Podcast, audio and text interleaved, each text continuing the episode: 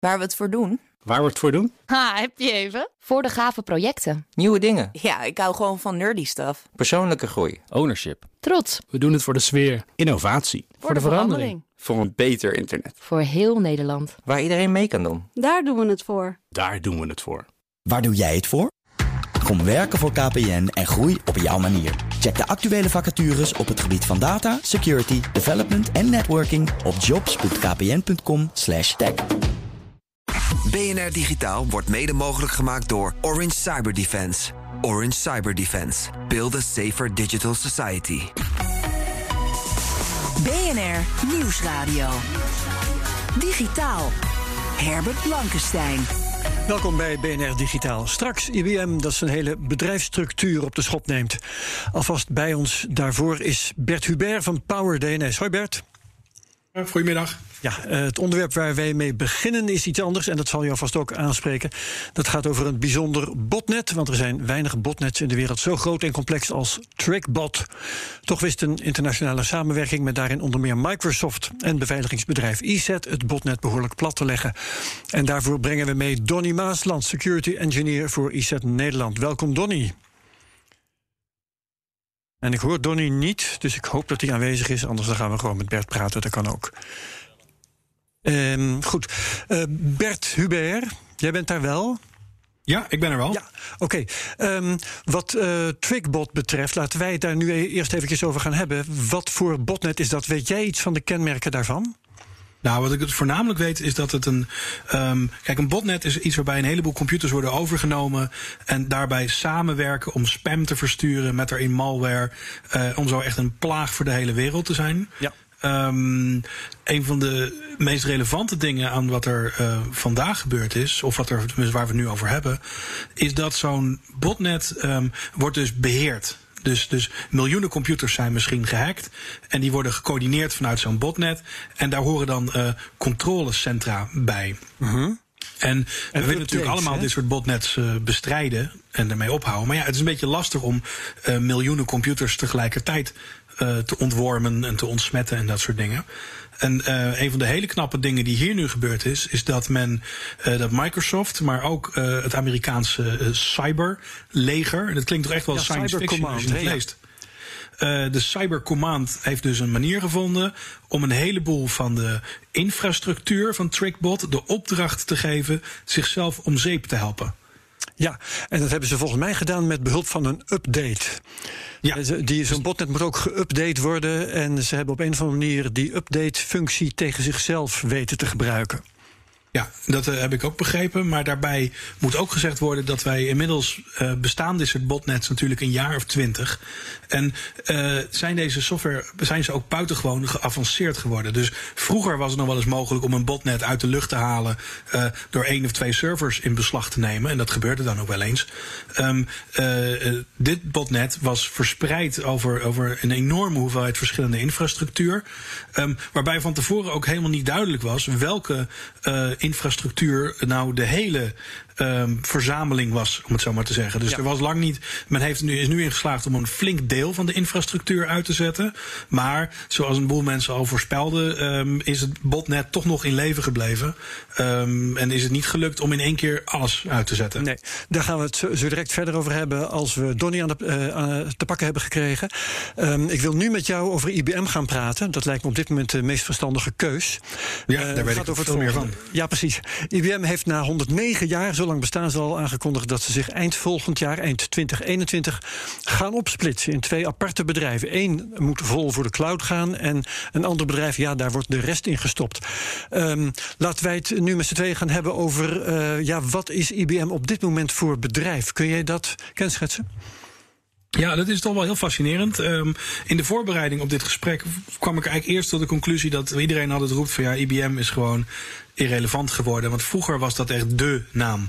Gewoon, uh, ja. je kon niks in computers doen zonder iets met IBM te doen. Zelfs een monopoliezaak aan hun broek op een gegeven nou, moment. meerdere. En, en tegelijkertijd moest zeg maar ieder bedrijf had ook gewoon een IBM-strategie. Zo van, hoe gaan wij om met IBM in onze omgeving? En um, ja, ja. als je nou kijkt naar de afgelopen uh, tien jaar is het bedrijf in omvang ongeveer gehalveerd. Nou, dat is op zich nog niet zo heel dramatisch. Maar inmiddels, eh, ter vergelijking, is het bedrijf 10%, 10 van de waarde van Google, en 5% van de waarde van Apple en 7% van de waarde van Amazon. Ja, en wat doen ze, vraag je je, uh, heb ik mezelf afgevraagd. En dan kom ik eigenlijk niet verder dan ja, iets vaags als IT-diensten, consultancy. Ja, nou, dat klopt. Ja, nee, De, de discussie vergeleken met vroeger. Kijk, IBM heeft de halve computerwereld uitgevonden. Dus als je denkt dat je iets nieuws hebt uitgevonden in de computerwereld, dan vind je heel vaak dat het IBM in 1960 ook, ook al had uitgevonden. Um, maar zoals iemand recent zei, van waarom bestaat IBM nog? Wat, wat, wat moeten we er nog mee? Ja. En, uh, en dan zoek je het op en dan blijkt toch dat ze dus nog um, uh, 60 miljard euro, uh, om, sorry, 60 miljard dollar in omzet doen, wat nog best wel veel is. Ja. Um, waarvan 20 miljard bestaat uit vrij saai IT-beheer. En um, ja. Dat wil niet zeggen dat dat niet belangrijk is, want iemand moet die belastingdienstcomputers in de lucht houden en banken en andere dingen. Nou, dat is ongeveer 20 miljard dollar per jaar wat ze daarin omzetten. Um, uh, maar voor inmiddels voor 40 miljard dollar per jaar leveren ze zogeheten hybrid cloud diensten. En dat is dus ja, de, nieuwe, de nieuwe wereld. En dat is dus nu veel, een heel stuk groter dan hun oude, saaie um, IT-beheerwereld. Binnen IBM dan misschien wel. Maar als je kijkt wie zijn het belangrijkst in de cloud, dan heb je uh, om te beginnen marktleider Amazon. Dan heb je Microsoft en Google die heel groot zijn. Dus um, ja, wat uh, wordt IBM voor bedrijf als ze zich daarop gaan richten? Kunnen ze zich eigenlijk wel handhaven tussen die, uh, die grote drie? Ja, nou, ik dacht eerst ook van, van nee, waarom hebben we nou IBM nog nodig? Maar um, als je nou kijkt naar wat een Amazon doet op dit moment. Een, een, een, modern bedrijf kan niet zomaar inloggen bij Amazon en zijn IT-diensten bij Amazon gaan afnemen. Um, als je inlogt bij uh, Amazon Web Services, krijg je een buitengewoon ingewikkeld console waar je een database kan aanklikken en allerlei andere dingen. Maar daar kan je nog niet je bedrijf uh, op draaiend houden. Nou, de, de visie van IBM is al 109 jaar, dat hebben ze best wel goed vastgehouden.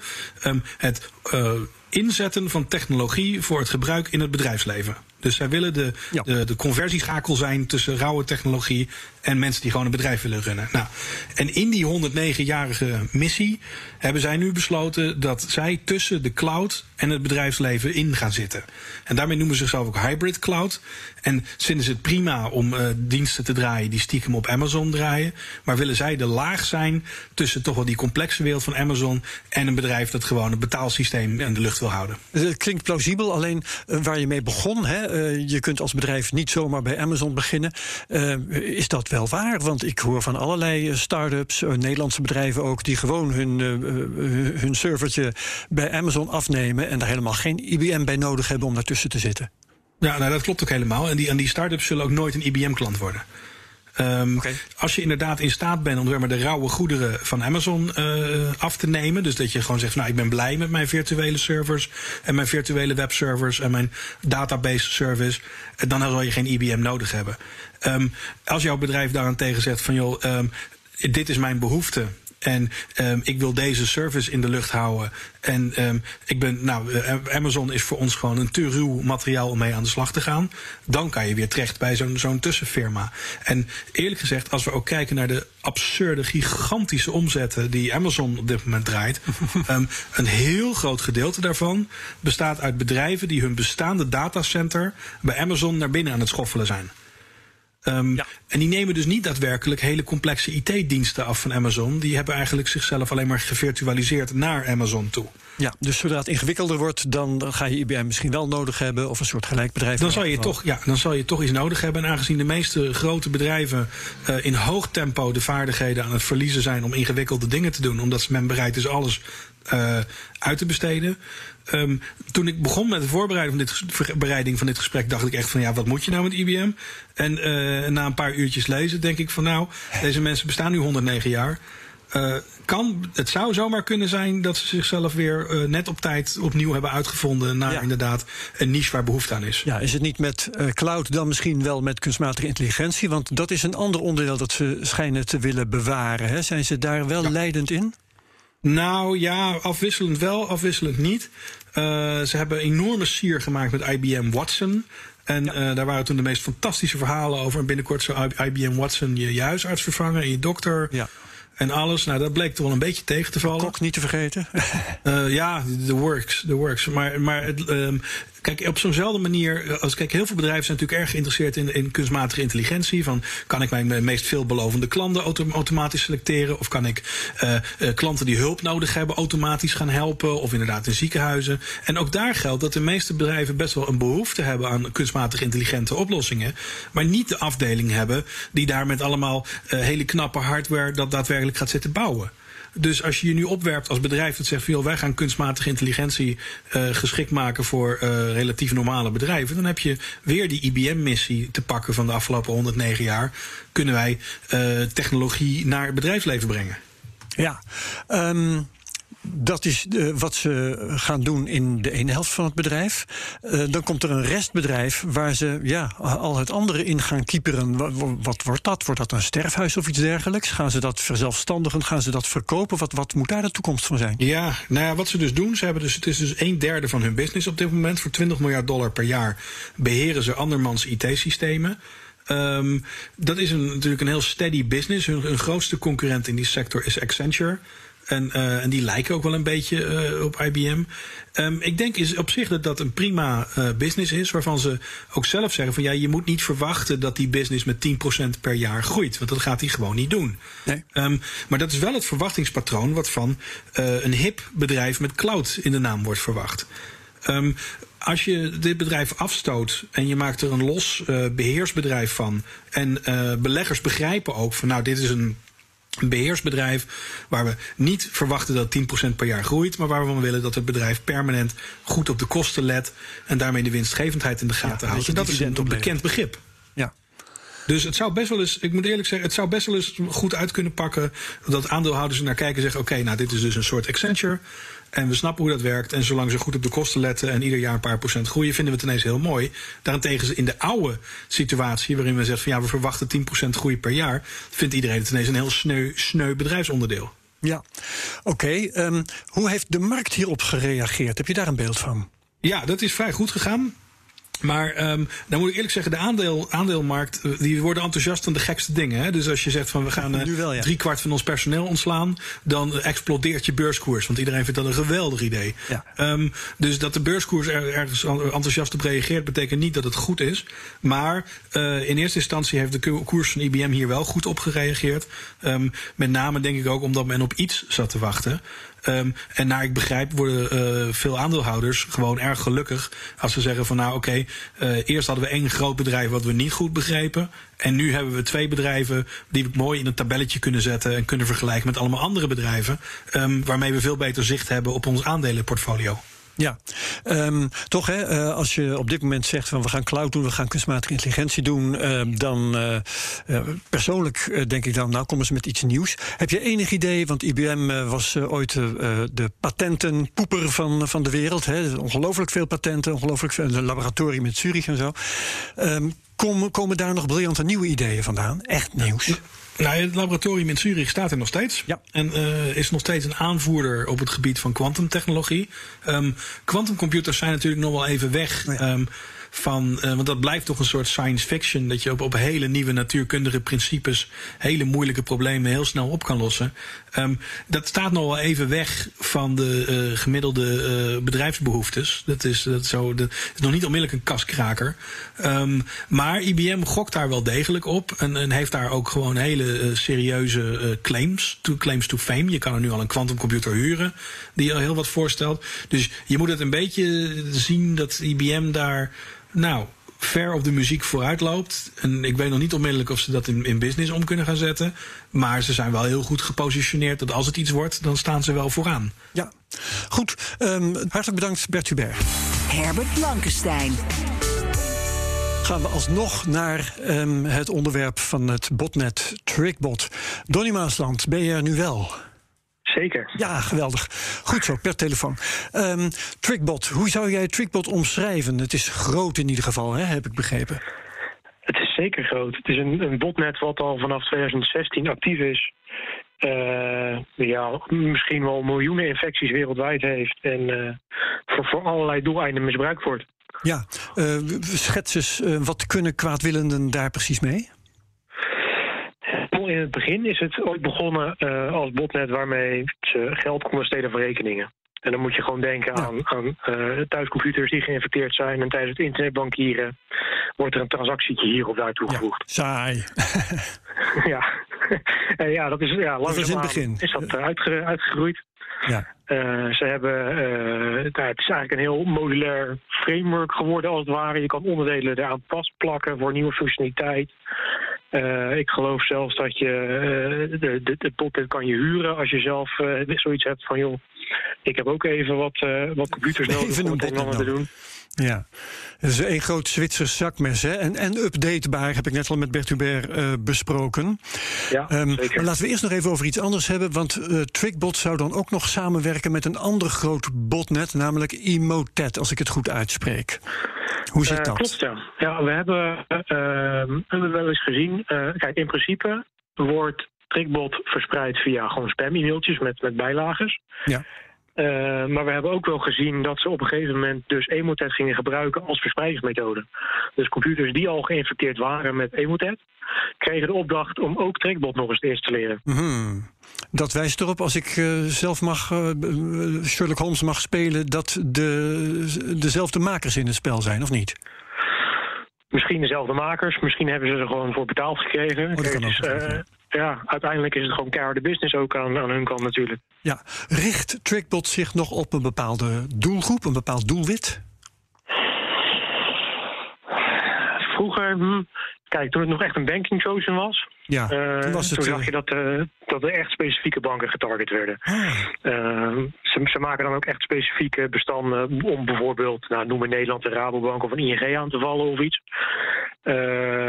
ik heb nog even gekeken voor de afgelopen week. Je ziet dat ze nu vooral banken in Italië, Duitsland en Australië aan het aanvallen waren. maar goed, tegenwoordig banken doen het best wel aardig. Die, ja, die beginnen ook een beetje bij te komen. Uh, dus ze zijn ook wel geswitcht om gewoon ransomware te gaan deployen via hun botnet. Wat natuurlijk ook best wel een, een goede strategie is gebleken. Ja, ja, ja. flexibiliteit, uh, zal ik maar ja, zeggen. Zeker. Dat, ja, dat uh, kunnen ze in de criminele wereld ook. Um, nu is er dus een grote actie geweest om Trickbot de voet dwars te zetten. Uh, hoe is uh, Trickbot daarbij in het vizier gekomen? Was dat al lang een, een doelwit van de good guys, zal ik maar zeggen? Of is er iets speciaals gebeurd? Nou, kijk, uiteraard is die al, al lang in het vizier. Maar bij zo'n wereldwijd botnet heb je gewoon ook te maken met ja, wetten en regels in verschillende landen. Mm -hmm. uh, dus ja, je kan niet zomaar zeggen van, joh, weet je wat, we gaan vandaag even de botnet offline halen. Want ja, je moet gewoon met heel veel partijen samenwerken, met verschillende polities en uh, noem maar op. Uh, ja, en wie's verantwoordelijkheid is dat dan? Wie, Ja. wie mag besluiten waarom gaan we de botnet offline halen? En daar heeft Microsoft nu al een leuk trucje op gevonden natuurlijk. Ja, en dat heb ik net kort al met Bert Hubert besproken. Dat eh, jullie hebben op een of andere manier die update-functie weten te ja, misbruiken, zou ik bijna zeggen, vanuit het standpunt van de Trickbot-eigenaren. Maar jullie hebben daar eh, goed gebruik van kunnen maken. Ja, klopt. Weet je, op een gegeven moment heeft Microsoft bedacht, nou, we kunnen eh, via een, een, mooie legal constructie kunnen we eh, toestemming krijgen van de rechter om, ja, om die, eh, de command en control service over te nemen. Dus vanaf waar ze de besturing doen van het botnet. En ja, dat is gewoon alsof er iemand anders achter het stuur gaat zitten. En dan, kan je ze opdrachten geven wat je wil. Ja, ja, ja. Ehm, hebben jullie kunnen uitvinden wie er achter dit botnet zitten? En dan bedoel ik, zijn dat nou ehm, ordinaire criminelen... of zijn dat mensen die bijvoorbeeld door de, Russische staat worden aangestuurd of iets dergelijks? Ja, goede vraag. Kijk, er zijn altijd vermoedens. Uh, in dit geval zijn er wel vermoedens dat er zowel criminelen als ook verschillende staten achter kunnen zitten. Maar harde bewijzen heb je in dit soort gevallen nooit. Uh, dat is altijd heel lastig. Ja, en um, wat nu is gedaan, is uh, het botnet is vooral uh, nou ja, voor een groot deel uh, platgelegd. maar er zijn geen mensen opgepakt, hè, of wel? Nee, voor zover ik weet niet in ieder geval. Nee. Um, en, en platgelegd zeg ik, um, zijn we er definitief vanaf? Of komt straks alles gewoon weer overeind te staan als de eigenaren weer gewoon de, de, de, het beheer erover terugkrijgen?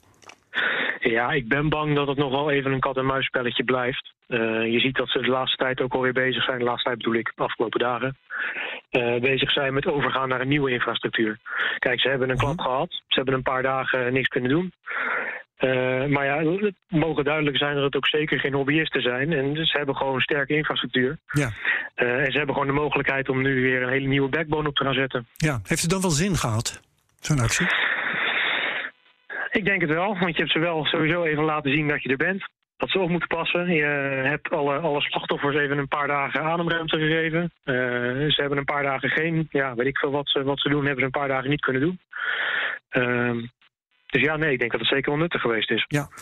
Um, wat mij opviel uh, op Twitter uh, en, en ook in andere, allerlei uh, blogmedia en zo, dat is dat er een beetje een strijd is uitgebarsten rondom de credits. Jullie bij ESET um, willen graag een deel van de credit. Microsoft wil graag een deel van de credit. De command, Cyber Command in de Verenigde Staten. Eigenlijk beweert iedereen van, nou, wij hebben het gedaan. Leg eens uit, hebben jullie onderlinge rivaliteit, hoewel je samenwerkt? Vanuit ISET is er niet zo heel veel rivaliteit. Over de andere bedrijven kan ik niet zoveel spreken. Kijk, wij hebben heel, heel duidelijk gezegd, weet je, wij, wij trekken dit botnet. Hier zijn de adressen die wij weten. Uh, doe ermee wat je ermee kan doen.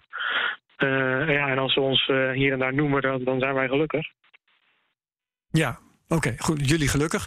Ja. ik, wil het graag even, ik wil het graag even verder hebben over um, uh, één onderdeel van, uh, van de strategie van Microsoft. Die hebben het auteursrecht weten te gebruiken om servers van Trickbot offline te halen. Kun je dat uitleggen? Ja, nou, ze hebben gewoon gezegd: uh, je gebruikt onze code, onze intellectual property, aka ze gebruiken Windows en onderdelen daarvan.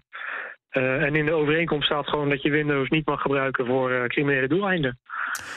Dus ja, als ze ja. dat toch doen, dan uh, zijn ze in principe in breuk van die overeenkomst en kunnen ze, kunnen ze stappen ondernemen. Ja, nou heb je dat niet nodig. Uh, als je de personen te pakken hebt, heb je dat niet meer nodig om ze uh, voor de rechter te slepen. Maar dit ging om die servers weg te krijgen. Hè? En daar is dat auteursrecht dan blijkbaar wel een goed instrument voor. Ja, en vooral ook om bij de rechter zover te krijgen dat die Microsoft toestemming geeft. Want ja, het is natuurlijk gewoon een commerciële partij. Die mag ja. niet zomaar op eigen houtje uh, dingen offline gaan halen. Ja. Dus is daar is de rechter voor nodig. Is dat een middel dat in de toekomst vaker gebruikt kan worden?